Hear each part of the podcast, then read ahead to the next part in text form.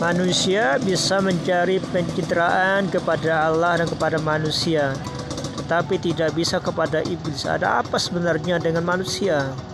Artinya manusia munafik dengan Tuhan. thank you